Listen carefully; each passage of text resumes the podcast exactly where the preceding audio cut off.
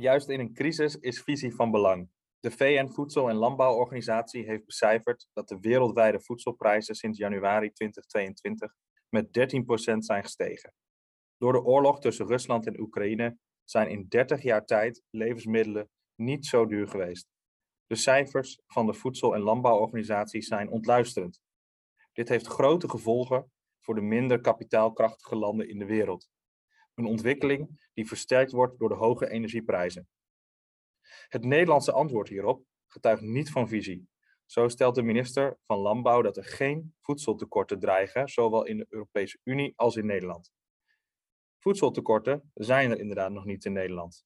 Grotere problemen voor de Nederlander zijn echter de stijgende voedsel- en energieprijzen die mensen in armere landen en met een kleinere beurs in de problemen brengen. Het eerste kan een probleem worden voor Nederland als exportmarkt en het tweede voor de koopkracht. Echter, de oorlog zorgt nu al voor problemen in de beschikbaarheid en toegang tot veel oliezaden en granen.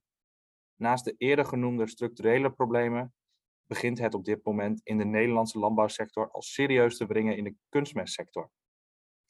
De beschikbaarheid en betaalbare toegang ervan staat onder druk door de hoge tarieven voor aardgas. Dit drijft de kunstmestprijzen naar ongekende hoogte. Om het probleem kleiner te maken, kan de overheid nu al kijken naar compensatie voor boeren als tegemoetkoming voor de verhoogde prijzen.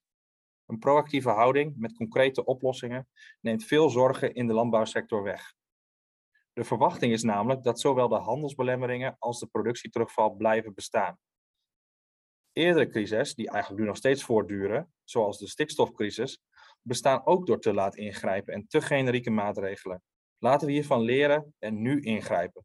De Nederlandse boeren hebben namelijk nu te maken met prijsverhogingen waarvan het einde nog niet in zicht is.